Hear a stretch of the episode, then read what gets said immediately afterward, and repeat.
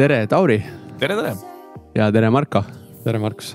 täna on meil siis selline huvitav saade, kus me taaskord räägime, teine saade vist, kus me keskendume rohkem kasvuettevõtetele ja natukene räägime ka ühisrahastusest. et äh, ma arvan, et tuleb väga äge, mis sa arvad, Marko? ja, ja kokkuvõttes on see kahekümne teine saade, kus me Just. kutsume kellegi endaga vestlema.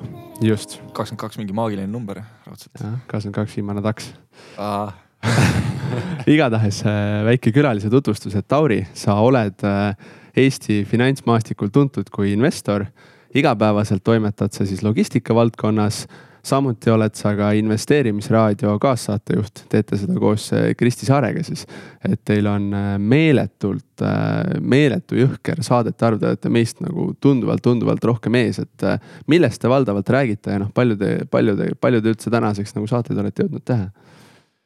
Oo jumal, nii raskeid küsimusi küsid kohe sinna tulile, et äh, ma arvan, et saate number on kuskil saja üheksakümne kahe peal äkki või ja millest me räägime, kui me protsentuaalselt võtame, siis ma arvan, viiskümmend protsenti ajast ajame lihtsalt äh, kuum õhku suust välja, ülejäänud viiskümmend protsenti on siis jaotub niimoodi, et kakskümmend viis protsenti ajast käivad külalised ja siis on kakskümmend viis protsenti mingit äh, sihukest targemat investeerimisjuttu üritama ajada mm.. no igal juhul väga hea kooslus, et meelelahutust ja teisest küljest ka siis äh, sihukest väärtuslikku teavet kuulajale. ja, aga kusjuures see meelelahutus äh,, mulle tundub, et inimestele meeldib, et saab sihukest nagu äh, sõbralikumas toonis äh, ägedamat juttu ajada, kui me räägiksime sellest, et äh, kuidas mingi võlakirja yield to maturity muutub, on ju, kui me siin mingeid numbreid muudame, on ju, siis ma arvan, et see üksainuke kuulaja, kes oli, see juba on ka praegu yeah. saate kinni pannud, et ei ole mõtet.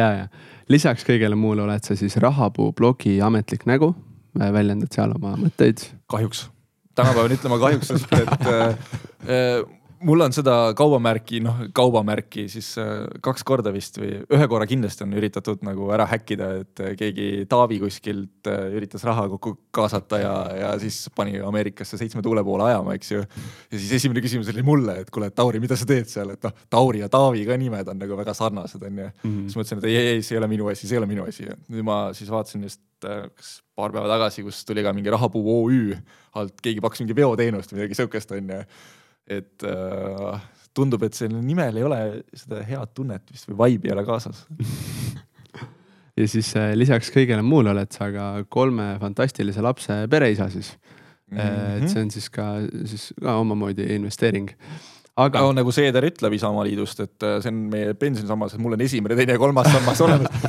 tootlusesse ma ei usu seal, et äh, ma olen ikkagi seda nagu mõtteviisi, et laps ei pea nagu vanemaid üles kasvatama, et vanemad kasvatavad lapsed üles ja siis peavad ise ka nagu kuidagimoodi hakkama saama ja siis lapsed kasvatavad oma lapsed üles, et äh, härra Seeder, kui sa peaksid mind vaatama, sa kindlasti teed seda, siis äh, tea, et see on sul halb mõte, et lapsed on pensionisammas noh, samas äh, ma arvan, Markus ja Martin Villigo vanemad on väga õnnelikud, nii et, et noh, äkki, äkki läheb sul ka õnneks selle koha pealt. et äh, mul lapsed teevad ka Bolti valmis või? jah. Bolt on tehtud juba? Bolt, Vol2 mille, millegi muu. Volga võib-olla.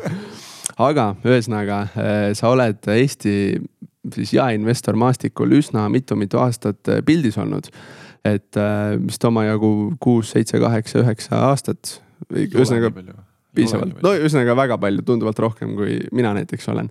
et millest nagu, kuidas see teekond sul üldse nagu on olnud või, või, või miks sa alustasid üldse investeerimisega algusaastatel või millal sa alustasid või, või kuidas see nagu sinu jaoks alguse sai?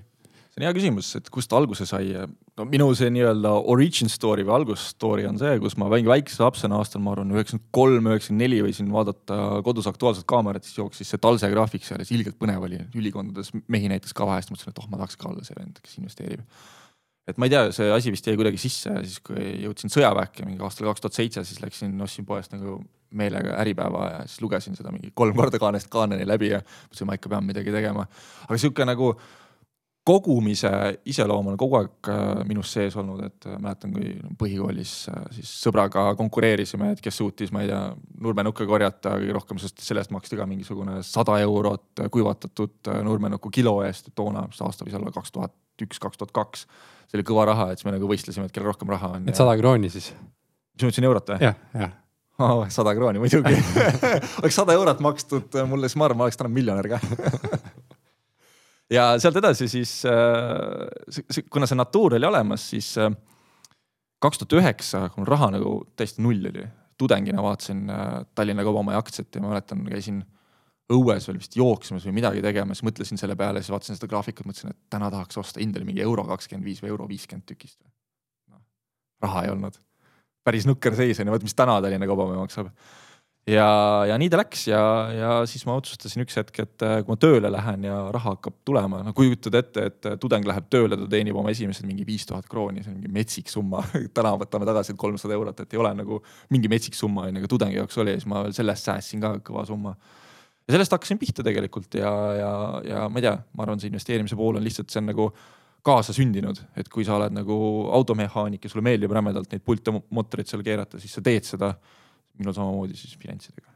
väga lahe ja võib-olla teise nurga alt küsimus, et noh, nagu sa mainisid, te olete ligemale kakssada saadet äh, teinud äh, investeerimisraadioga. et äh, millest on see huvi või, või sihuke soov tulnud, et rääkida avalikult nendel teemadel Eesti finantsmaastikul, jagada teavet, mõtteid, meelelahutust, kust see nagu huvi on tulnud mm? -hmm. sellega oli selles mõttes põnev, et me vist alustasime oh, see oli mai kaks tuhat viisteist oma seda karjääri pihta ja äkki ma aprillis või märtsis kaks tuhat viisteist kõndisin Nõmme metsade vahel ringi, kuulasin The Investors podcast'i, kus siis äh, Stig, kes on muuseas käinud ka investeerimisklubi. Äh, te korraldate festivali, eks ju, kas see oli eelmine aasta, käis ta kohal? jah, jah, ja just, just., et mitte see, vaid eelmine. eelmine aasta ja temast ja, ja siis Preston Bishist sai siis tegelikult alguse see, kus ma kuulsin, mul olid klapid peas ja sa kõnnid seal, äh, noh päike vist paistis ka ja tead, see, see hääletoon ja kõik see, see kaja oli nii võimas, et ma mõtlesin, et mis asja ma pean ka tegema siukest asja, et see lihtsalt on nii, nii chill. ja siis kirjutasin Kristile sama päeva õhtul, kui ma vist olin ringilt tagasi tulnud, et kuule, teen podcast'i. Kristi muidugi see ei oska ei öelda ju. ja põhimõtteliselt, kui Kristi oleks, ei, mis asja podcast'i, keegi ei taha kuulata seda kui me alustasime podcast'i, siis tegelikult Eestis ei olnud podcast indus üldse nagu väga levinud. ei olnud jah. et selles mõttes oli nagu väga üllatav, Kristi ütles, et ai muidugi loomulikult teeme, loomulikult teeme ja, ja meil läkski mingisugune, ma arvan, kuu või, või poolteist aega, et kõik see setup kokku saada ja hakkasime tegema. selles mõttes oli nagu väga-väga äge, et lihtsalt ühest jalutuskäigust, ühest mõttest, et tegelikult tihtipeale ei olegi vaja rohkem kui ühte mõtet, ühte seda äh, asja, mis paneks sind tegema ja sellest võib väga palju head saada nagu algusest kas oskad täna järeldada ka, et, et mis sellest, mis sellest sündinud on või, või see on nii hoomamatu, et, et seda ei oskagi sõnadesse panna? tead, mul pole õrna aimugi selles mõttes, et äh, mina räägin ju rahvale, rahvas kuulab mind, aga tagasisidet nagu väga palju ei tule, et kui palju kellelgi kasu sellest on, ma näen ainult kuulajanumbreid on ju, need on äh, siin kohati juba päris head. et kui me vaatame eriti e-, esimesi episoodi, seal ma arvan, on täna mingisugune seitse tuhat unikaalset kuulamist küll per episood on ju. et kui tulevad mingisugused kaks tegelast, kellel sisuliselt on kaks kätt taskus, mitte midagi ei ole, on ju, mõtlevad, et me hakkame nüüd äh, rääkima investeerimisest, ega väga palju kogemust ka tollel hetkel veel ei olnud siis ma arvan, et selle kohta on see nagu hea tulemus, et alustades nagu kuskilt täiesti lambi kohast pihta selle asjaga, mida inimesed nagu väga ei, ei oska veel kasutada või siis ei ole nagu populaarseks Eestis saanud. et täna siin aastal kaks tuhat üheksateist on podcast indus, kõik asjad kaetakse ära, ei ole vahet, noh, siin on küpsis laua peal, ma arvan, et keegi teeb küpsiste kohta ka juba podcast'i. et kõik teemad saab ära kaetud, et selle aja kohta noh, ma võin öelda, et minu jaoks on need numbrid väga Eesti kontekstis äh, mõistlikud, sest et noh, ka teie podcast te, ei ole seda, et sa lähed autosse, sa keerad peale investeerimisklubi mingisuguse FM-i onju ja siis saad sealt selle info, vaid sa pead meelega minema spetsiaalselt vaatama või kuulama seda. ja, ja te ise ka näete, et kuidas inimesed nagu kuulavad, kus huvi on olemas. ja see on see, mis nagu motiveerib ja mis on äge minu meelest. ja just, just aga kuna just. me siin äh, investoreid kutsume, sa ise oled aktiivne investor, siis räägime natukene sinu portfellist ka. vaatame rahakott sisse, et, et jaga natuke, milline sinu tänane investeerimisportfell välja näeb oh, tead, äh, see ajas muutub, selles mõttes mingisugust äh, konkreetset äh, momenti öelda, et nii, et täna on nüüd sihuke ja nii edaspidi on ka sihuke, noh, ei ole. et kui ma siin mingi kolm aastat tagasi olin sada protsenti ühisrahastuses on ju, siis täna ma enam selgelt ei ole sada protsenti ühisrahastuses, mul on nagu palju muutunud. ja teine asi on ka see, et kuidas sa ühisrahastust nagu äh, kajastad, et kui sa võtad Funderbeami ette, seesama kasvuettevõte on ju, kas sa sinna equity'sse või loan note'i paned selle raha et äh, kas ta siis on ühisrahastus või on ta justkui nagu see omakapitali investeering, mida võiks nagu aktsiateks siis klassifitseerida. et see piir tegelikult kahe asja vahel on märkimisväärselt hägustunud. ja see tekitab ka nagu probleemi, et kuidas sa siis ühte või teist asja nagu liigitad tegelikult. kaasa mõeldes ma eile mõtlesin selle teema peale ja, ja lugesin ka, et, et kuidas neid varaklasse siis täpselt äh, tuleks jaotada, siis äh, seal oli hea, hea selline lause, et, et varaklasse tuleks siis jaotada selle põhjal et millistel investeeringutel on sarnased omadused ja, ja likviidsusaste ja igast noh, sellised näitajad, et siis Nii. selle järgi kuidagi klassifitseerida, et siis ega, ega seal õiget ja valet ei olegi, ei saagi öelda, et need on varaklassid, vaid pigem on see, et nagu mingil ajahetkel nagu sellised äh, investeeringud käituvad sarnaselt, järelikult siis äh, nad võib liigitada mingi ühise nimetaja alla, et, et õige mõte, aga mm. -hmm ma jäin praegu mõtlema selle peale, et kui sul mingisugune likviidsus on olemas, siis tuleb mulle esimesena meelde Trigon on ju, mis võib-olla teeb äh, kolm tehingut äh, kogu kuu jooksul on ju, see on kõik, et kui palju ta siis on sarnane näiteks Amplerile, kes siin vahetab, ma ei tea, saja, kahesaja tuhande eest kuus nagu osakuid, et et ka seal tegelikult ühisrahastus on kohati nagu aktsiatest isegi juba ettepoole minemas. ja lisaks on loomulikult ka olemas ETF-id ja asjad on ju, et noh, suures pildis, et ma ei oskagi öelda, ma arvan, et veerand minu kapitalist jookseb ringi kuskil nagu laenupõhistes asjades, mis siis toodavad äh, igakuist rahavoogu. kui me rahavoo põhjal seda asja võtame ja siis ülejäänud kolmveerand on noh, kas siis midagi seisab kuskil rahas või siis ongi omakapitali investeeringus sees mm. -hmm. ja, ja omakapitali investeeringute all kuidas sul see äh, nii-öelda noteeritud versus noteerimata ettevõtete puhul on? ma arvan, et kasvuettevõtteid on ikka mingi kolm korda rohkem kui nii-öelda börsiettevõtteid. Lihtsalt äh, Madis Müürisel on selles mõttes nagu õigus, et äh, võib-olla see kogu pauk on juba sealt äh, börsiettevõtetest nagu kätte saadud ja, ja ülejäänud äh, tuleks siis saada kasvuettevõtetest ja mis on tegelikult selles mõttes ka loogiline, et minu portfellis on olemas näiteks tanker on ju, õllekojana ja kui sa vaatad, et täna ta turukapitalisatsioon on circa kolm, kolm pool miljonit eurot on ju, kui see ettevõte siin kasvatab müüki viis korda, mis on tema puhul palju lihtsam teha kui näiteks noh, ma ei tea, võtame Tallinki ette, eks ju.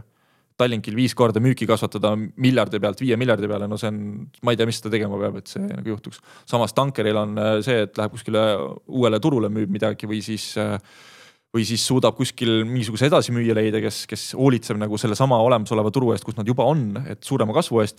see on palju lihtsam nagu teostada ja sealt ka samamoodi võib see omakapitali tootlus nagu viis X ära teha, on ju. sellepärast mulle meeldivad äh, täna sellised väiksed asjad rohkem, muidugi teine asi on ka see, et mis mulle võib-olla noh, kui me vaatame nagu majandust suures pildis, siis on hea tõenäoliselt kõige efektiivsem süsteem on üldse see, mis, kus sul on nagu kogu riigi peal on üks ettevõte, mis teeb nagu kõik asjad ära, eks ju. et siis on nagu justkui kõik on ideaalselt ära kasutatud. sul peab olema mingi konkurents sealjuures on ju. võib-olla on siis parem, kui meil on kaks sihukest ettevõtet seal riigis on ju. aga tegelikult, kui sa oled tarbija, kui sul on kaks erinevat asja, on ju, et sa oled, noh, see on seesama loogika, et kui sa korjad kõik inimesed linna kokku ja tõstad nad sisuliselt kõrgusesse, on ju, siis see on nagu väga efektiivne ressursside kasutus, sest kõik inimesed ja kõik ressursid on sisuliselt nagu ühes kohas koos, on ju aga samas sa saad aru, et geopoliitiliselt on see väga suur risk, et kui keegi tahaks midagi kurja teha, siis sellele suurele grupile, kes ühes kohas koos on, väga palju lihtsam teha, on ju.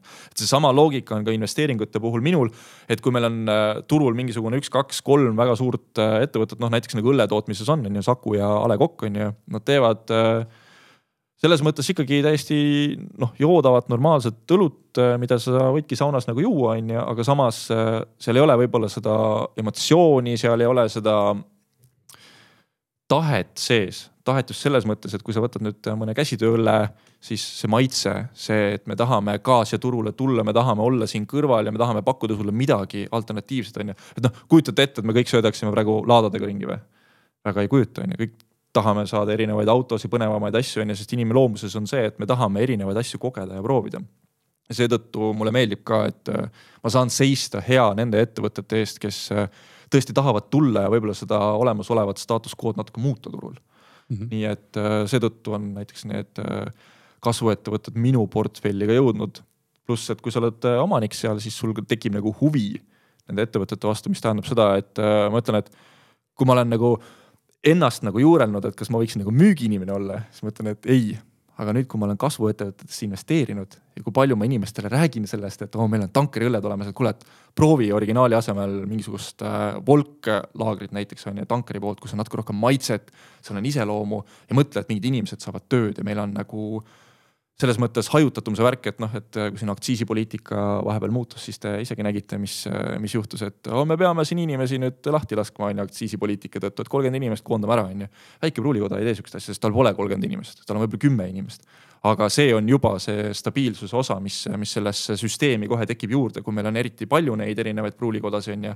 siis äh, esiteks see know-how on alati erinev, et kui sul on suur pruulikoda, siis tema teeb mingi ühe loogika järgi, ta teeb selle massile see on see kaheksakümmend, kakskümmend äh, seadus, et äh, tee kakskümmend protsenti seda maitset on ju, võta kaheksakümmend protsenti tuludest ära, et äh, craft breweries üritavad seda vist vastupidi teha, et nad teevad küll erinevaid maitseid ja noh, väikse, väiksele kontingendile siis tõenäoliselt seda, seda on ka vaja, minu meelest seda on vaja, et meie majandus oleks nagu edukam, stabiilsem ja, ja mõistlikum igas mõttes. kas sa oled ennast ära tabanud ka sellelt mõttelt, et mis hetkel sulle äh, see kasvuettevõtete või selline teistsugune maailmapilt tuli.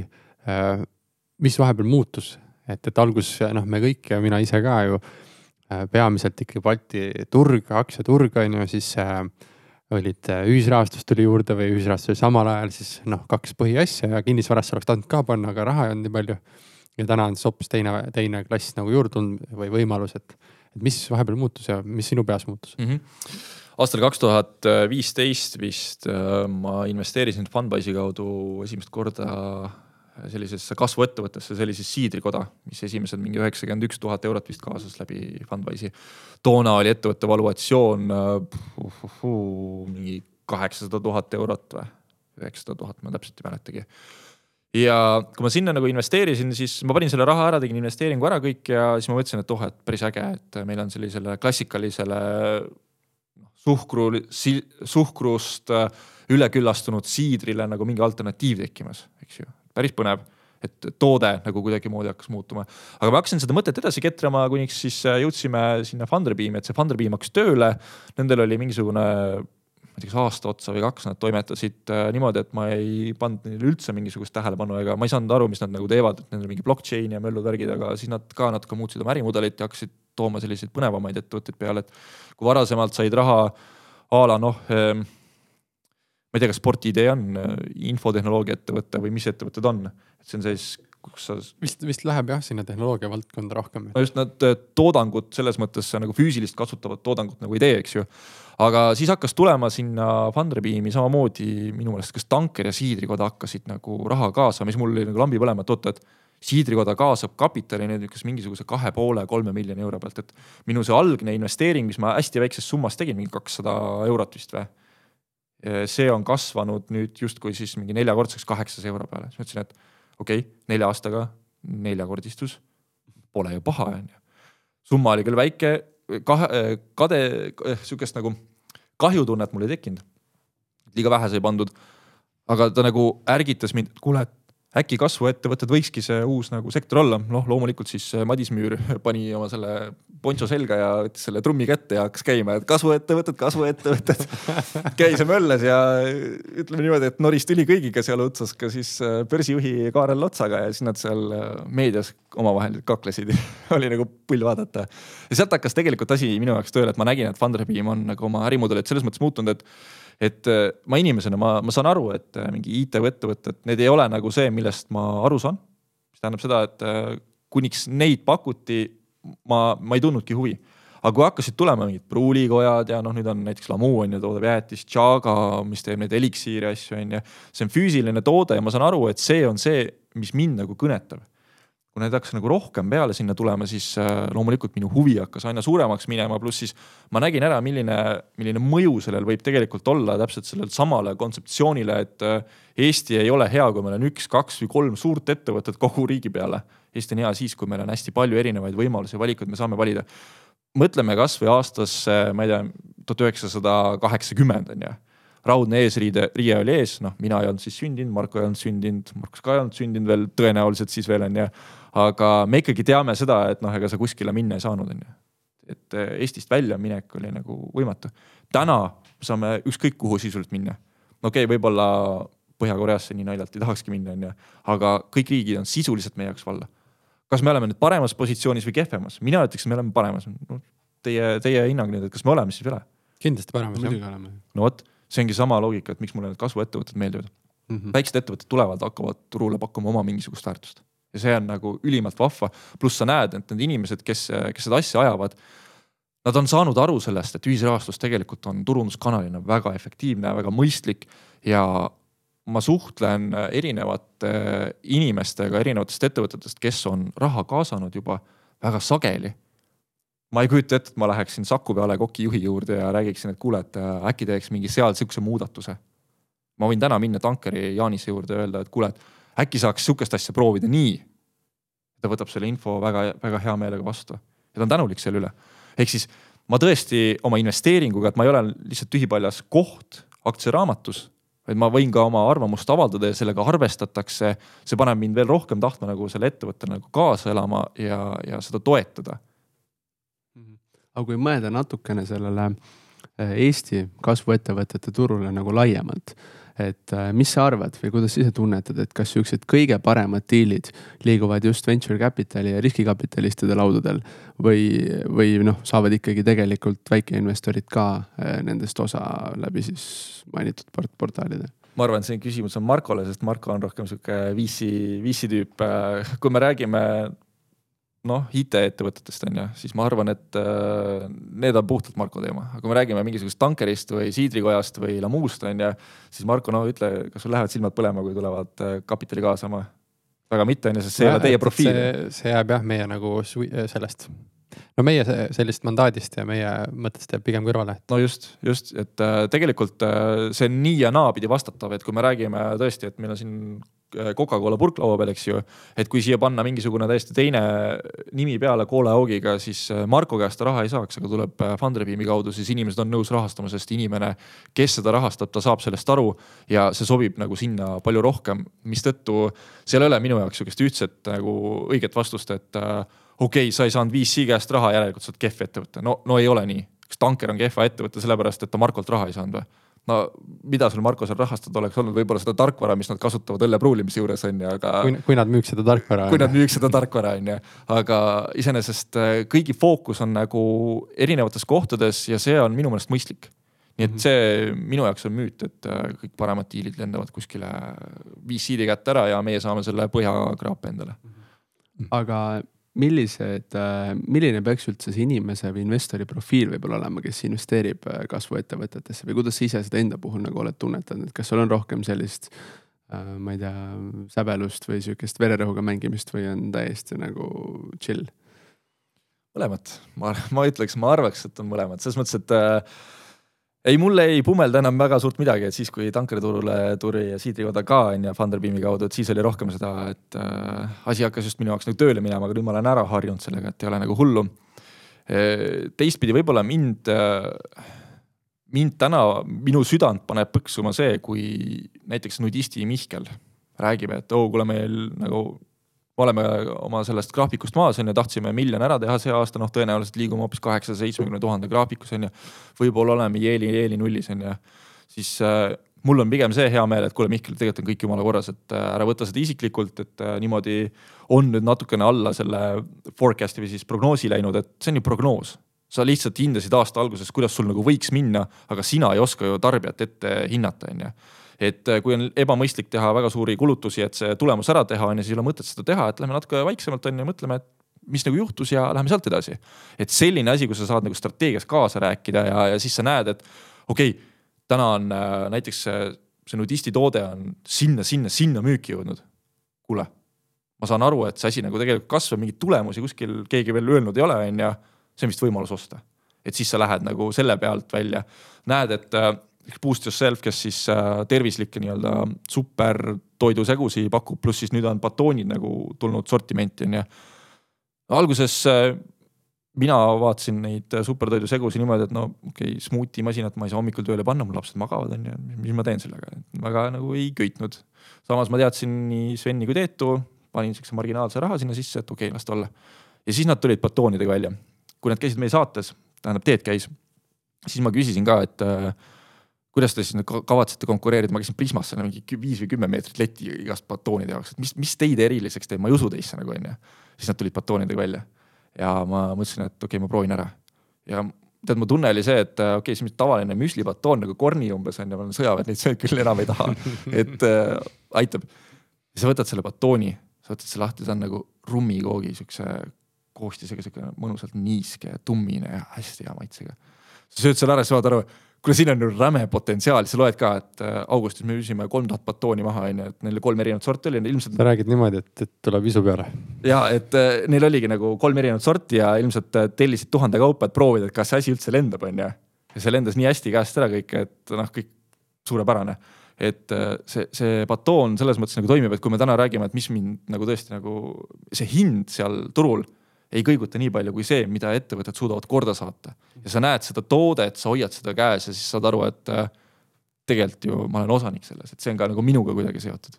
ma omalt poolt lisan äh, ka siia mõttele juurde, et, et mul isegi viimasel ajal on tunne olnud, et mind see noteeritud börsil ettevõtted nagu, nende hind nagu paneb rohkem südant nagu noh sellist ärevasse olukorda nagu, kui kasvuettevõtted, sest strateegia on nii teine, kasvuettevõtted, sa tead, et sa toetad järgmised viis-kümme aastat, et see on pikaajaline mäng tihtipeale.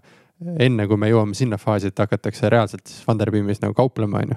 aga praeguses, praeguses faasis see on ikkagi väga pikaajaline mäng versus see, kui sa ikkagi äh, börsile paned ja tuleb kehv äh, mingi uudis välja aktsia kukub kohe kümme protsenti, kohe on kehv olla, on ju. kuigi ettevõttega midagi juhtunud, aga iga uudise peale reageerib et, et minu meelest on see viimasel ajal pigem mul tegin paar äh, müüki ka siin just, et saada nendest äh, börsiettevõtetest nagu mõnedest veel välja, milles ma sees olin. Baltikast või?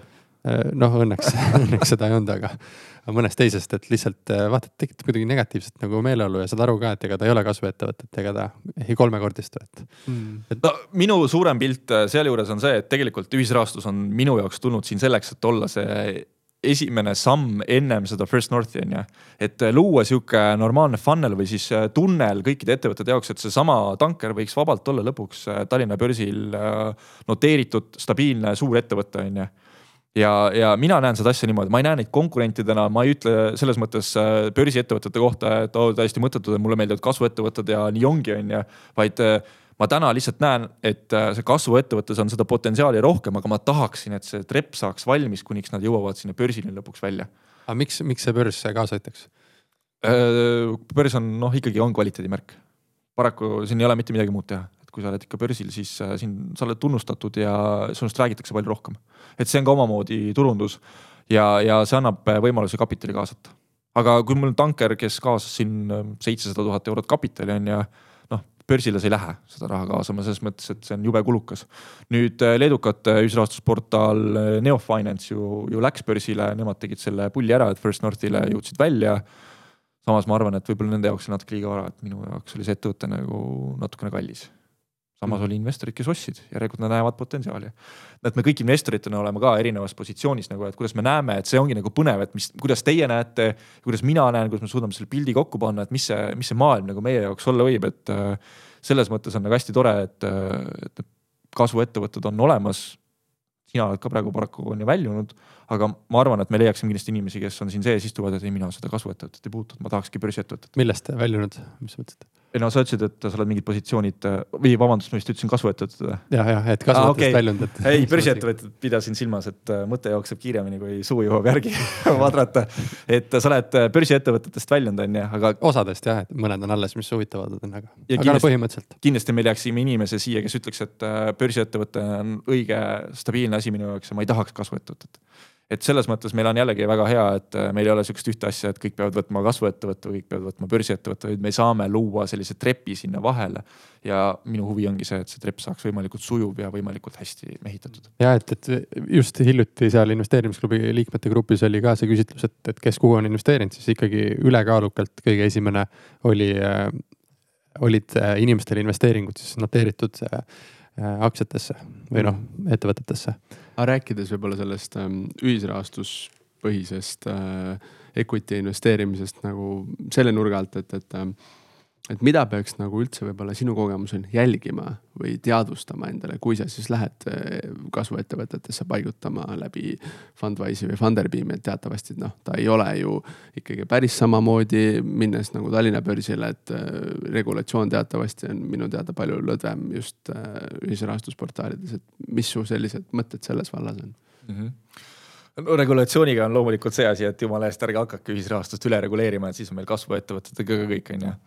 aga täna just mul oli sihuke juhus, kus siis ka üks inimene, kes ei ole investeeringutega vist oma elus kordagi silmitsi seisnud, siis äh, kuna talle meeldib nudisti toode, eks ju, see rabarbra on tema jaoks väga meeldiv jook siis ma ütlesin, et aga no sa ostad kogu aeg seda, aga miks sa siis nagu investoriks ei hakka, et saaksid ka nagu selle tunde teistpidiselt endale kätte. siis ta ütles, no kus ma saaksin kohe sealt välja, summad on väiksed, kus ma alustan, siis suurt summat nagu ei ole panna, et ma ütlesin, et no aga alustadki väikselt, panedki ühe euro ja, ja ostad ühe eurose tüki ja sa oled vähemalt omanik ja sul hakkab huvi tekkima selle asja vastu.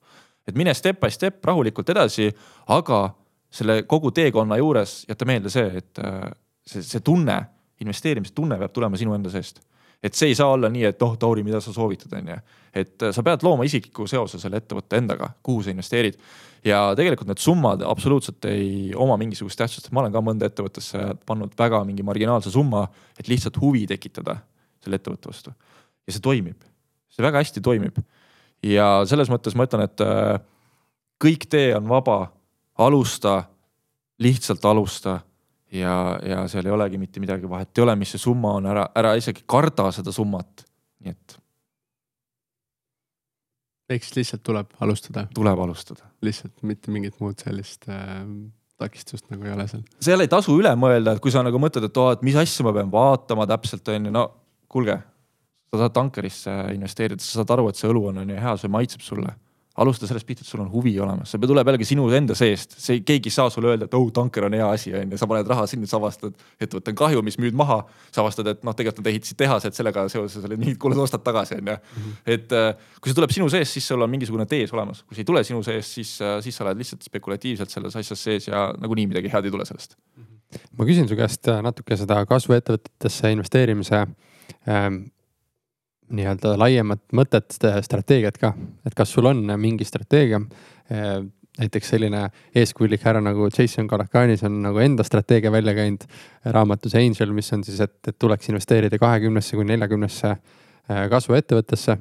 Eh, see võiks olla sinu portfellist kuskil maksimaalselt kümme protsenti või tähendab, tema ütleb, et sinu netoväärtusest, aga noh, väikeinvestorite mõttes portfell võrdub netoväärtus, et, et et siis väike osa sinu portfellist ja, ja siis äh, ühe, ühe suurust tükid ka, et sul oleks nagu mingis mõttes sajutatus, et kas sul on äh, tekkinud mingi pikem strateegia, mitu tükki sa tahaksid neid saada või, või võtad case by case järjest? ma tahan olla nagu Chuck Norris, all of them. Ehk siis kõike. ei, tegelikult ei ole asi nii hull midagi, ma ütlen, et ähm, mul ei ole sihukest strateegiat, et kellesse ma nagu tahan panna, kui ma tunnen selle ettevõttega mingisugust seost, näiteks Lamu, väga lihtne, tuli raha kaasama, onju ma vaatasin poes seda, ma olin näinud teda poes, ma ei olnud kunagi tarbinud. aga kui sa käid poes ja sa näed, seal leti peal on minu asi, seal leti peal on minu asi, seal on, seal on, seal on, onju. see tekitab sulle hoopis teistsuguse tunde, onju. ehk siis äh, ma ei saa limiteerida, et äh, ma nüüd valin endale viis ettevõtet ja olen nagu Jason Kalakanis, kellel raha on rohkem kui ratsahobusel sõnnikut, onju. et äh, noh, minu jaoks need asjad päris nii ei käi tema ta võib-olla on tahtnud anda siukse üleüldise hinnangu, aga mulle tundub, et Kalakanis on ka rohkem äh, a la Uberisse investeerija ehk siis äh, IT-ettevõtted ja nii edasi, on ju, mis on lihtsalt skaleeritavad, tee asi valmis, on ju. noh, käsid õllega ei ole päris see, et äh, ta sul kuskilt masina pealt ise jookseb, litsentsitasude näol kuskilt on tulemas seda õlut, on ju, et sa pead ise pruulima kõik seda asja tegema. et seal on tööd natuke rohkem sees et minu teooria on äh, pigem see, et ma valin need ettevõtted, äh, kellesse ma näen potentsiaali ja kes on minu jaoks huvitavad ja kelle tooteid ma ise tahaksin tarbida. aga ma pean nagu silmas, et äh, viie aasta perspektiivis nad võiksid nagu kolm X-i ära teha ikkagi. ma arvan, et see on suhteliselt selline madal valuläbi. kui ma ei eksi, siis see peaks olema umbes kakskümmend viis protsenti tootlust aastas, ei ole nagu väga ulmeline on ju kasvuettevõtte kohta. ja miks ma nii madalat eeldan, on see, et mul on noh, lihtne tanker. ta peab tegema tööd, et jõuda kaugele, mul on siidrikoda, ta peab tegema tööd, et kaugele jõuda, mul on nudist, ta peab tegema tööd, et kaugele jõuda, on ju. et äh, mul on ka investeeringuid äh,, mille teesist ma ei ole väga hästi aru saanud, mis ma olen maha müünud ja mis on äh, sellest hoolimata väga edukad olnud. aga ma ei ole nagu kurb nende üle, et noh, ma võin tuua välja Upsteam, see on see, vennad käivad auruga lasevad su masina üle, eks ju. et äh, ma investeerisin sinna ja vist müüsin mingi kahekümne protsendise tootlusega maha selle asja, sest äh, lihtsalt see asi ei mänginud minu jaoks välja, mul olid erinevad faktorid, mis ma, mis ma suutsin kokku lugeda ja ma nägin, et noh, see ei ole lihtsalt minu jaoks. täna on sellest hoolimata hind on juba peaaegu kas viis eurot äh, laenuosaku kohta, ta alustas ühe pealt, täna on viis, viis X-i, mina sain kakskümmend protsenti, tegelikult oleks võinud saada viissada on ju. aga ma ei ole absoluutselt pettunud ma jäin kindlaks iseenda selle teisi peale ja pigem ma olen rõõmus Upsteami investorite üle, kes on seal sees olnud ja kes on saanud nautida seda, sest ma usun, et küll minu aeg tuleb olemasolevatega, mis mul portfellis täna juba on mm. -hmm. nii et äh, Kalakaanise laadselt äh, öelda, et äh, Kus... oh kuule, kakskümmend ettevõtet, pane kümme protsenti oma netoväärtust. on sul portfellist mingi piir pandud ette, et üle selle nagu ei läheks või, või see ka muut-, noh, see muutub ajas ilmselt siis? ei ole, ei ole pandud selles mõttes, et äh, mis ma sellest piirist panen, mis aitab? mis paremaks muutub? eks ta, eks ta selline riskijuhtimise strateegia on või selline, et äh, tootluse juhtimise strateegia võib-olla, et sa mõtledki, mis sul rahavoopositsioonid sees on, mis sul on selline kinnised, mitte likviidsemad sellised osakapitali investeeringud ja sa enda jaoks nagu kuidagi, et magada saaksid ilmselt ma magan niisama ka et mul ei ole probleemi. mul on kolm last, kes vajavad äh, väga palju tähelepanu ja mul uni tuleb väga hästi. aga tõsisemal teemal siis äh, ei, kui mul on äh, täna mingi, ma ei tea, kümme pluss viisteist ettevõtet äkki portfellis, kasvuettevõtteid, eks ju siis noh, loogika ütleb sul seda, et kui ma kõigisse panen võrdse summa ja ma ainult neisse investeerin, siis äh, ühe ettevõtte osakaal ei ole üle kümne protsendi mu portfellist on ju. ehk siis äh, see nagu ise kuidagi reguleerib paika ennast, et mul ei ole niimoodi, et okei okay,, mul on siin tanker on ja see peab olema täpselt kümme protsenti mu portfellist on ja siis portfell kõigub kuust kuusse, nii et jumala eest vahepeal müü, vahepeal osta on ju. miks? ei ole seal mõtet, et kui ma tunnen iseennast hästi ja ma näen, et sellel asjal on nagu see potentsiaal olemas, siis äh, tulistan. aga ma võin täna öelda, et äh, ükski neist ei ole üle mingi paari protsendi mm.. kas äh, noh, tegevusvaldkondadest rääkisime natuke, et mis sulle meeldib äh, mis sa arvad praegusel hetkel äh, Fundwise'ist äh, versus Funderbeamist? ai, see on äh, sihuke, mulle tundub, et tänaseks juba a la nagu Mehhiko ja USA võitlus kas müüri ehitatakse vahele müüri ehitatakse vahele ja, ja, ja selles mõttes äh, keeruline on, et Funderbeam on minu jaoks paraku kvaliteetsem portaal kui Fundwise. Sorry, Henry, asi on lihtsalt selles, et äh,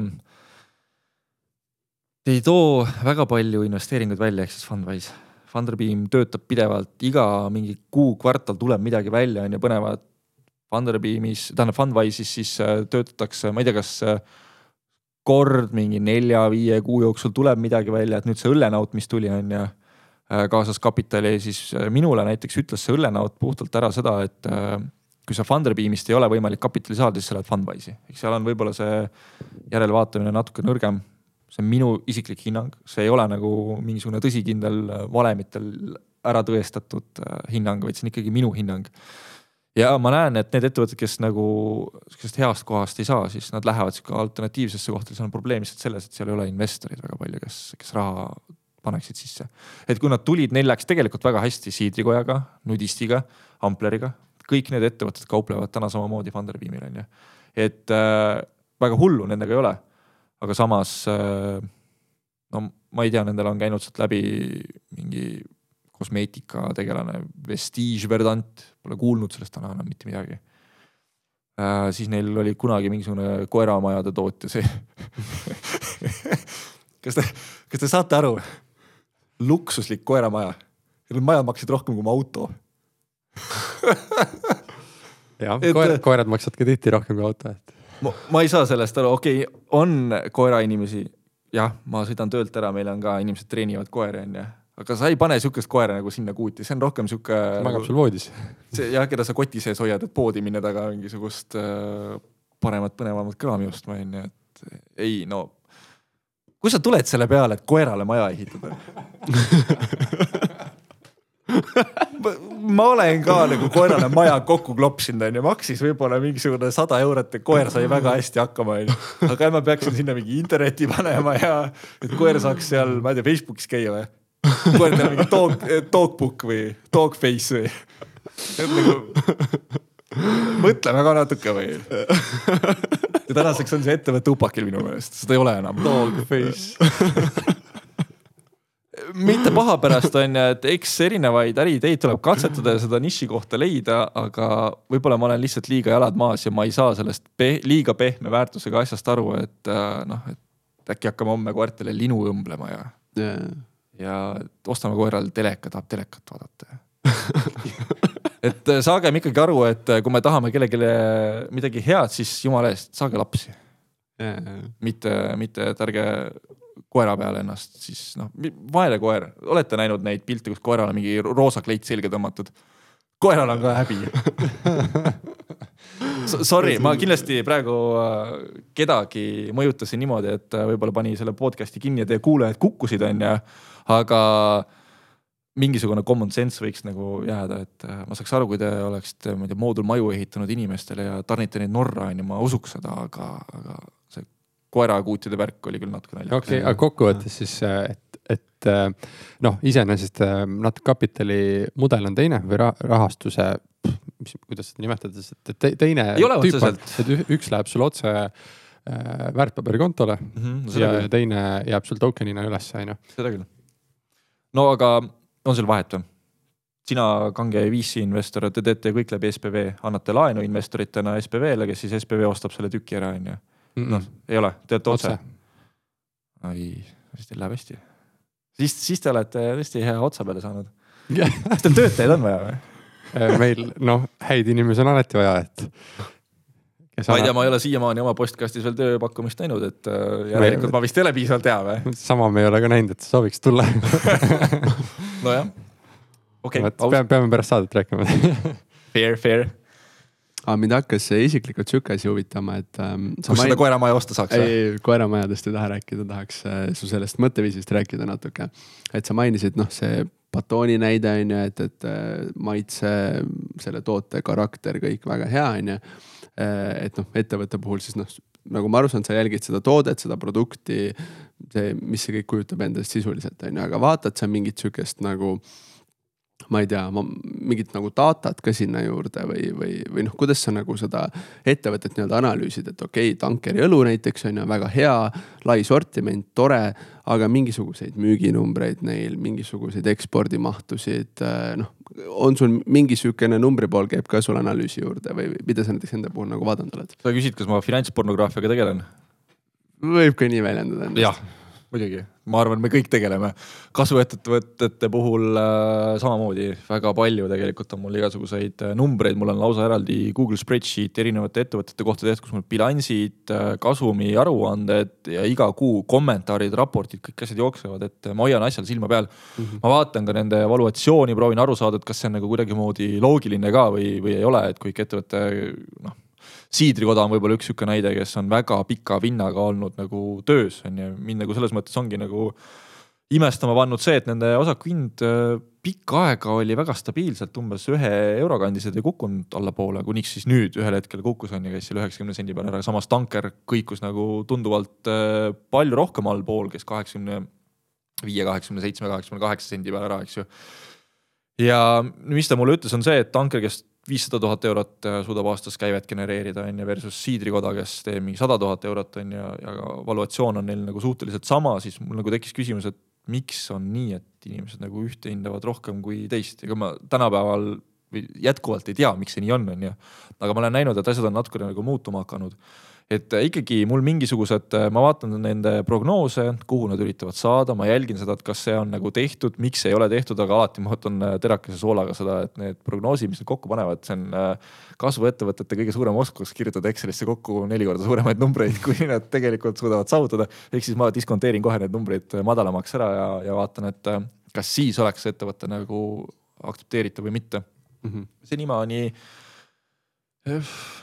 noh, tanker on äh, suhteliselt normaalselt jooksnud, et äh, mulle tundub, et äh, nemad on sihuke väga väärikas ettevõte. siidrikoda jällegi tänu sellele, et nad noh, kuna väikepruulijad üldse said Folgile see aasta sisse, onju. ja nad müüsid seetõttu juba päris, päris edukalt ja seal oli väga palju väikepruulijaid. siis siidrikoda näiteks sai vist Soomes Helsingi, ei, Hämeenlinna mingisugune keskajapäevad vist toimuvad ja said nagu sellel tähelepanu ja müüsid sinna ka nagu mingi koguse. et see asi vaikselt hakkab nüüd käima tõmbama ka nende jaoks, et vahest lihtsalt äh, sa pead rohkem ootama. võtame ka Amazoni näite on ju, et Amazon mingi pikalt-pikalt oli ilgelt kallis ettevõte, kasumit suurt ei teeninud on ju, kasvas küll hästi on ju. aga täna on siis äh, kaardid juba omajagu nagu pöördunud, Facebook samamoodi et äh, teinekord lihtsalt tulebki oodata nende samade füüsilist toodet tegele, tegevate ettevõtete puhul, et äh, nad ei pruugi kohe lendu tõusta ja iga number, noh, küsimus on see, et kui nad ütlevad mingi numbri, näiteks ma toon nudisti välja siin väga positiivse näitena. nudisti ütleb, et kuule, me teeme ühe aasta pärast tulevad, et me oleme tegelikult kaks teinud. noh, sa saad aru, et ettevõte võtab asju väga konservatiivselt, need numbrid on ka väga konservatiivsed järelikult nendes on nagu seda potentsiaali rohkem ja ma täna näen seda, kuidas äh, nad ütlevad, et okei okay,, me tahtsime see aasta üks miljon teha, onju. mis tegelikult algsest plaanist, mis nad kaks tuhat seitseteist, kui nad esimest korda kapitali kaasasid, on, äh, kas nad siis tahtsid vist teha käesolevaks aastaks viissada tuhat eurot või kuussada tuhat eurot käivet, onju. praegu nad teevad kaheksasada seitsekümmend tuhat, aga nad olid vahepeal tõstnud oma prognoose miljoni peale ja nad on äärmiselt kurvad selle üle, et nad ei saa seda miljonit täis, siis me noh, vaatame seda konteksti. Nad tahtsid tegelikult kaks aastat tagasi teha need viissada, kuussada tuhat, teevad tegelikult pea üheksasada tuhat nad on väga kõvasti nagu kiiremini arenenud. et äh, kasvuettevõtete puhul võib igasuguseid põnevaid anomaaliaid tekkida, et oluline on see, et sa hoiad kätt pulsil, vaatad, kuidas neil see läheb. ja iga number, mis nad sulle ütlevad, et seda võtta nagu terakese soolaga, et seal on alati sihuke mulle tundub, et äh, see numbrite kokkupanemine käib nii, et äh, vennad tulevad reede õhtul kokku, võtavad head paremat õllet, lähevad sauna lasevad siin kuus pakki ära onju, siis on, kuule, meil numbrid vaja välja mõelda. aa, okei okay,, võetakse läpaks välja, pannakse midagi kirja, hommikul ei kontrollita ka, saadetakse kohe kuskile portaali ära, et davai, need tulevad. ja, ja noh, et äh, selles mõttes need numbrid on ikkagi, iga prognoos on prognoos ja see on hinnang ja see on arvamus ja see on äh, mitte tõsikindel asi, vaid see on ikkagi. ma isegi ütleks, et see on looming. see on meie looming jah, või noh, kes seda. kunst. kes seda välja teeb ja sellest tuleb aru saada, et see on kunst ega investeerimine on ka kunst, see ei ole täppisteadus, eks ju. et see, kuidas me siin äh, analüüsime ettevõtteid, et äh, seal ei ole sellist ühtset äh, õiget viisi, noh kasvõi ka see, et kui sa võtad mingi mudeli, sa hindad seal diskontomäärade kaudu on ju rahavoogusi, siis millised need diskontomäärad on? ka see võib muutuda, sina öeldad, et ohoh, tuleb mingi viis koma üks on ju, sõber kõrvalt ütleb, et ei, mis kuus koma seitse on. noh, kellel siis tõsi on me saame seda näha alles retrospektiivselt nagu tagasi vaadates on ju, aga me ei tea seda tulevikku mm. -hmm. nii et seal on seda loovust, et äh, kindlasti ma vaatan neid numbreid, ma vaatan pigem neid lubadusi. et mis nad on lubanud, kas, kuidas nad nagu progresseeruvad sellega, vastavalt sellele ma siis saan ka aru, et kas asi, kus ma investeerinud olen, on mõistlik või ei ole. ehk siis sa nii-öelda kõrvutad lubadusi justkui nagu reaalselt saavutatu vastu siis. just, just. ja mis sa üldse arvad enda senise kogemuse põhjal ka, et kui suur võiks sihukene äh, keskmise Funderbeami, noh, võib ei saa niimoodi öelda, aga no ütleme, keskmine tootlusootus Funderbeami investeerides, et sa iseenda puhul mainisid sihuke kakskümmend viis protsenti aasta baasil võiks viisakas kena olla. see on long term, see on long väga term. long term, kui asjad mängivad välja, ma toon sellesama tankeri praegu välja, et äh, kui tanker alustas aasta aega tagasi, natuke rohkem kui aasta aega tagasi ühe eurose hinna pealt. ja kui ta täna kaupleb üheksakümne viie sendi pealt on ju, siis ta on aastaga miinus viis protsenti teinud aga samas siin aasta sisse on mahtunud see, et nad on tehashoone valmis ehitanud, on ju, nad on läinud äh, pudelitest purkidesse üle ja nende mahud metsikult kasvavad. ehk siis see hakkab alles nüüd üles ketrama. aga samas neil oli alguses seda investeeringut vaja, et nad ikkagi saaksid selle asja nagu töö, tööle panna, et nii ma ka päris ei saa, et äh, ma hiljem tulen peale, mitte alguses et äh, alguses nagunii ta kukub kuskile, neil läheb aega, on ju, et siis jääksid investeeringud tegemata. et äh, siidrikoda samamoodi, miks nad nii aeglaselt on läinud, ongi see, et äh, nad alles nüüd said ju valmis oma äh, tehashoone uue, kus nad saavad siis nagu kõvasti areneda. nii et kõik võtab aega ja, ja see kakskümmend viis protsenti aastas on long term. Mhm. see ei ole see, et ma täna loodan kakskümmend viis protsenti aasta aja pärast võtan välja, on kõik. Upsteami näide, Upsteam on olnud Funderbeamis alla aasta ja ta on viis X-ist ära teinud või? noh et äh, see, see keskmine tulebki kokku nagu noh, mulle ikka meeldib seda öelda, et kui toas on äh, viis töötajat on ju vanuses kakskümmend, kakskümmend üks, kakskümmend kaks, kakskümmend kolm ja kuuskümmend. keskmine vanus on kakskümmend kaheksa, et noh, keda see iseloomustab siis? me saame aru, et meil on üht, ühel pool mingi äärmus, teisel pool mingi äärmus, võib-olla tuleb ka kuskile keskele sinna on ju.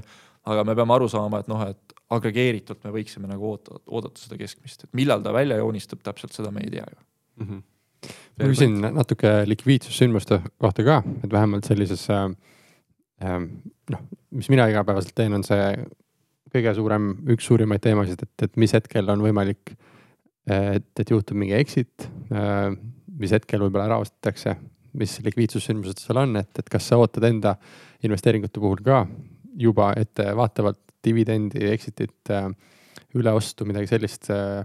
kuidas sa mõtled selle ümber? Mul süda tilgub verd sõna otseses mõttes, kui ma näen neid uusi ettevõtteid, kes tulevad raha kaasama ja nad panevad oma pakkumisse sisse selle, et oo, et aastal kaks tuhat kakskümmend kaks, kui me oleme kasumis, me hakkame dividendi maksma. jumal küll, mida te kirjutate sinna, kas te ise ka aru saate või? Te olete kasvuettevõte, teil on kapitali vaja kasvamiseks, mitte seda inimestele laiali jaotamiseks, on ju.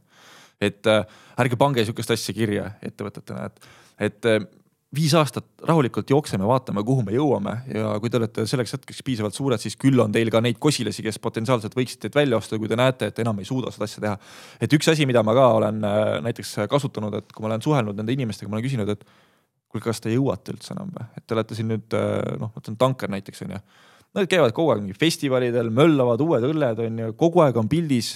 et kas sa nagu ei tunne, et sa enam äh, ühel hetkel ei jaksa kui nad ütlevad, ei, kõik on väga hästi, veel jaksan, paneme edasi, on ju, siis on noh, kõik hästi. aga üks hetk võib see moment tulla, kus nad ütlevad, et tead, ma olen seda asja juba mingisugune kaheksa aastat siin teinud, ma enam ei jaksa. et nüüd on lihtsalt õige aeg strateegilisele partnerile üle müüa, sest et äh, mina ei ole enam see inimene, kes suudaks seda kasvu nagu juhtida. et kui siis nad äh, sellist äh, laadi ülevõtmist pakuvad, siis noh, see on nagu potentsiaalselt küll üks asi, mille peale mõelda. aga see, et kohe siin kasvuettevõte hakkab dividendi maksma, siis püha Jeesus, inimesed, mõelge, mis te teete ja ärge, ärge investoritena ka oodake neilt jumala eest, sest seda raha on vaja, et osta järgmist seadet, järgmist võimekust juurde, et kasvada veelgi kiiremini, veelgi suuremaks. et on ikkagi mingi platoole vaja jõuda mm. -hmm millised on siuksed kõige suuremad riskid võib-olla, mille, millega sa seni oled juba kokku puutunud äh, Funderbeami vaheldusel või, või Fundwise'i vaheldusel? Äh, või noh, üldse kasvuettevõtetesse investeerides, on sul mingid riskid realiseerunud või on midagi nagu lappama läinud. on midagi hapuks läinud? hapuks läinud jah? ei, mul ei ole veel hapuks läinud, tui-tui-tui. ma sülitasin just äh, kolm korda üle vasaku õla.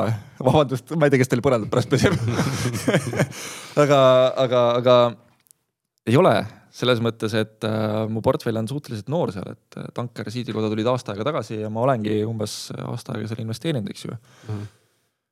ma olen äh, kainemõistuslikult üritanud neid investeeringuid vaadata ma olen ka iseendas, iseendas see kainemõistuslikult üritanud vaadata, et kui ma õlut joon, siis ma ei mõtle investeeringute peale rohkem. sa õlut jood, siis proovid kaine mõistusega mõelda, et. ei, ei, ei selles mõttes, et kui ma nagu saunas äh, kaks õlut teen, siis mul jumala eest ei tuleks siuksed mõtted, et kuule, et tankeriõle täna maitseb jube, jube kehvasti, et ma lähen müün maha, et see ei kõlba kuskile, et, et sihukest asja ei.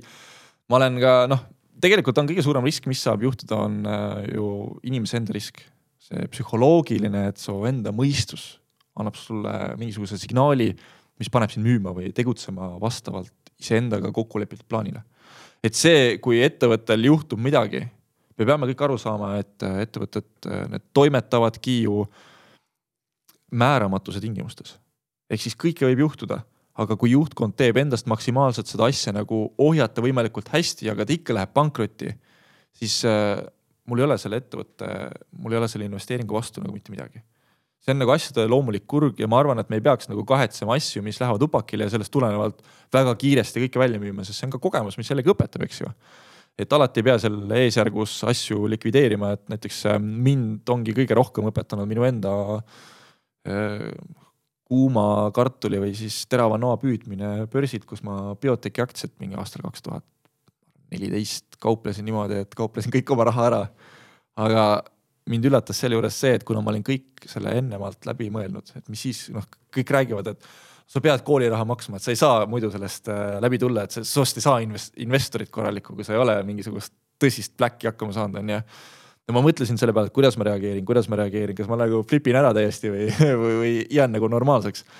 ja kui see asi siis juhtus kõik onju ja ma tõesti kaotasin no kas kaks kolmandikku või rohkemgi sellest investeeringust ja siis ma hästi täiesti tuima näoga läksin, ostsin mingi Hesburgeri, sõin ära selle ja mõtlesin, et järgmine päev peab tööle minema. et see nagu toimis väga hästi ja, ja ma olen rahul sellega, et ma psühholoogilise poole olen tegelikult saanud pikaajaliselt juba korda ja mind need äh, ebaõnnestumised selles mõttes ei häiri, et noh, ebaõnnestumine on ka ju tegelikult see, kui sa jääd ilma heast tootlusest nagu Upsteami näide oli. mul ei ole põrmugi kahju, et ma sellest välja jäin mul on hea meel nende inimeste üle, kes äh, sellega kaasa sõidavad ja kes usuvad sellesse. sellepärast, et meil on olemas jällegi üks ettevõte turul juures, ehk siis see on seesama suure pildi kontseptsioon, et kas meil peavad olema kõik ühesugused asjad või, või väga kontsentreeritud või meil on keegi kolmas, kes pakub mingit alternatiivi. siis mul on hea meel, et nad on turul olemas, nad täiendavad ju kõike seda valikut. aga lihtsalt mina investorina ei ole nende jaoks nagu õige investor. aga äh, sinu soovitused võib-olla selles osas, et mida üldse noh, meil on täna kuulaja, vaataja tahab hakata ka kasvuettevõtetesse investeerima, tuhin on suur ja meeldivad tankerid ja muud tooted, et äh, mis üldse nagu, mille inimene võiks endale nagu enne selgeks teha, kui ta hakkab mingisuguseid loan note'e või osalusi kuskil äh, ostma, siis nii võib-olla kasvuettevõtete üleüldise toimimise vaatest kui ka siis võib-olla Funderbeami vaatest. kuidas alustasin mina investeerimist? avasin konto Pandorasse, avasin konto oma rahasse oma rahas nägin, et äh, Foorumis kirjutati väga paha asja väga kurjalt, äh, eriti nende omanike poolt sealt, kandsin kohe oma kümme eurot, mis ma sinna kandsin, välja samal päeval, kui ma selle sisse kandsin sinna, viiskümmend senti võtsin kahjumit ka tänu sellele, et äh, teenustasu oli, on ju. Ähm, Pandorasse kandsin raha sisse, hakkasin investeerima ja ma alustasin sellest, ma hakkasin investeerima. tegelikult on see, et miks me mõtleme jällegi üle, et me peame äh, mustmiljon raamatut läbi lugema, et äh, hakata investeerima, ei pea, jumala eest, võta see üks euro, pane sinna sisse, seesama üks euro tekitab sinus juba piisavat huvi, et ise hakata nagu kaasa mõtlema, et okei okay,, see asi on loogiline minu jaoks, see asi ei ole. kui see asi ei ole loogiline, siis guugelda, vaata, kas keegi on järsku rääkinud sellest asjast kui on võib-olla keegi inimene olemas, äh, kes oskaks sellele küsimusele vastata, siis pöördu tema poole.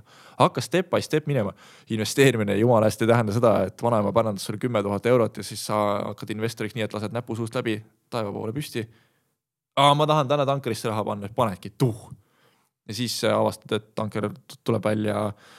me prognoose ei suuda selleks aastaks täita, on ju, jääme kolmekümne protsendi võrra maha, et see on praegu illustratiivne näide, mitte reaalsus, eks ju aga kui tuleb sihuke olukord, sa müüd kohe maha, kuna sinusuguseid on veel, siis äh, sa müüd selle maha niimoodi, et sa saad kolmkümmend protsenti võib-olla kahjumit.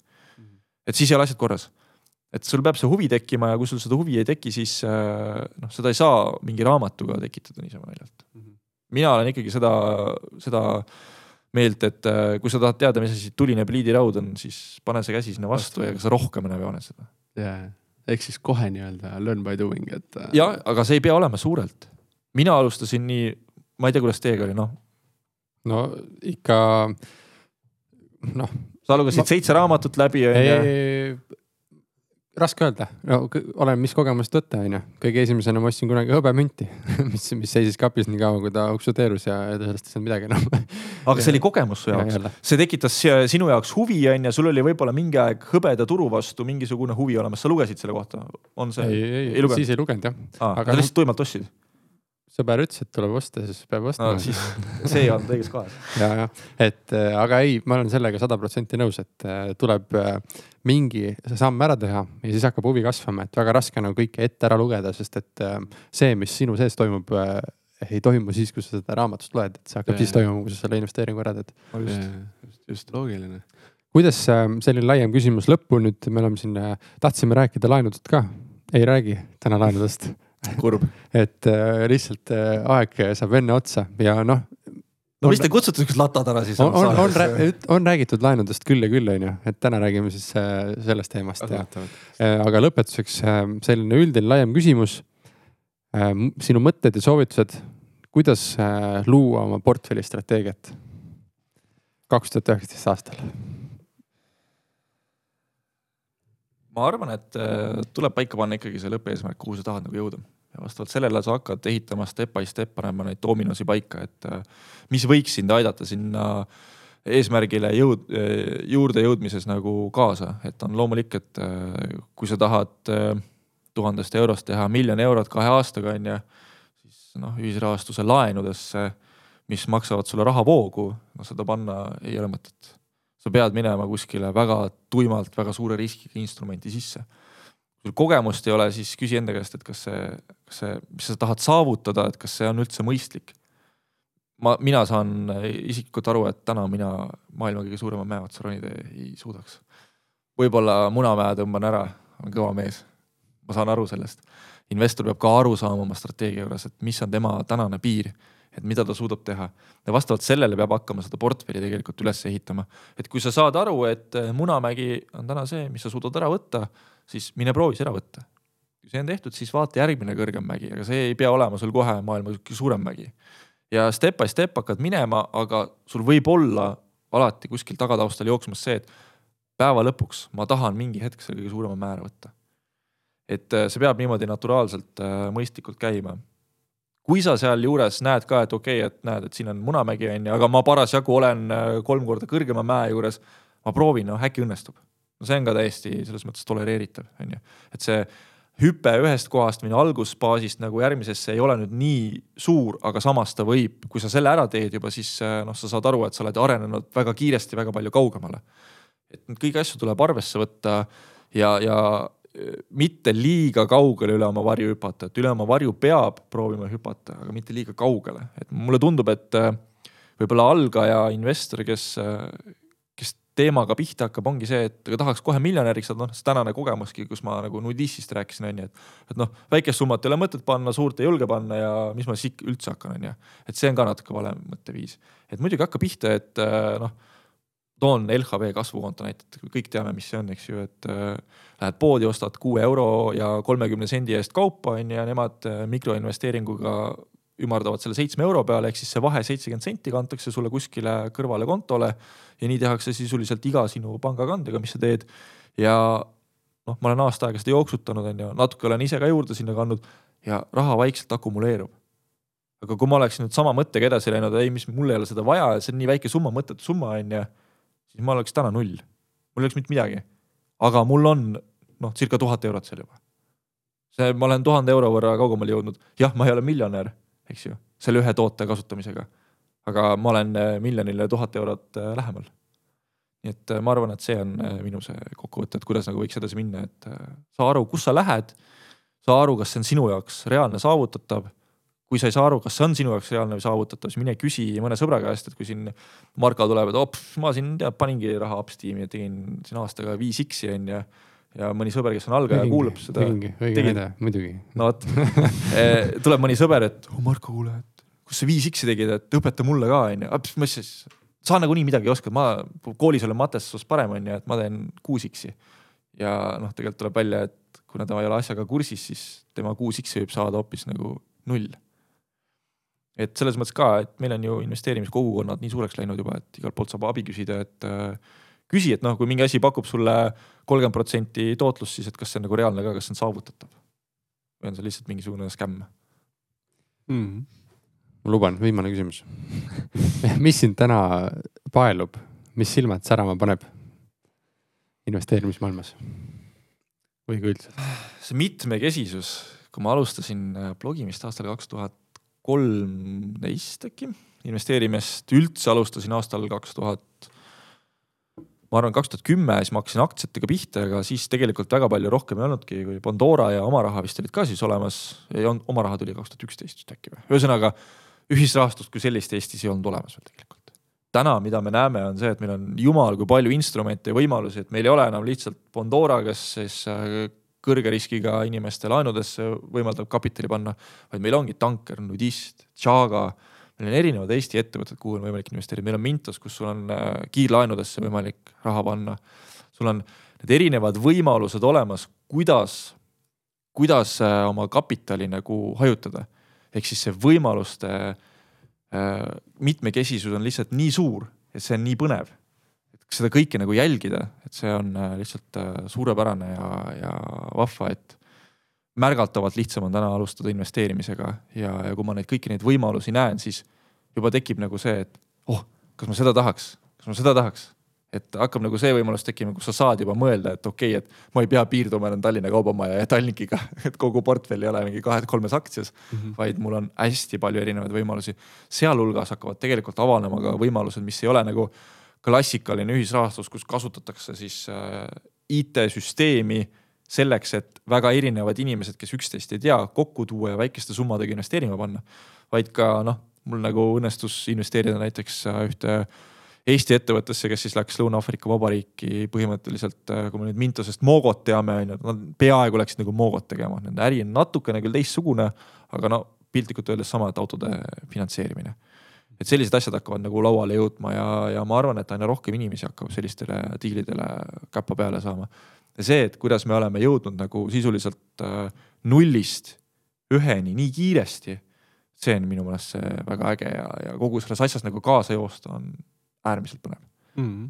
väga-väga head mõtted, et ma arvan, see on äärmiselt hea punkt ja, ja mõte, kust äh, võib-olla selles mõttes, mida võtta endaga kaasa, et loodame siis, et see värvikirevus jätkub ja läheb veelgi suuremaks.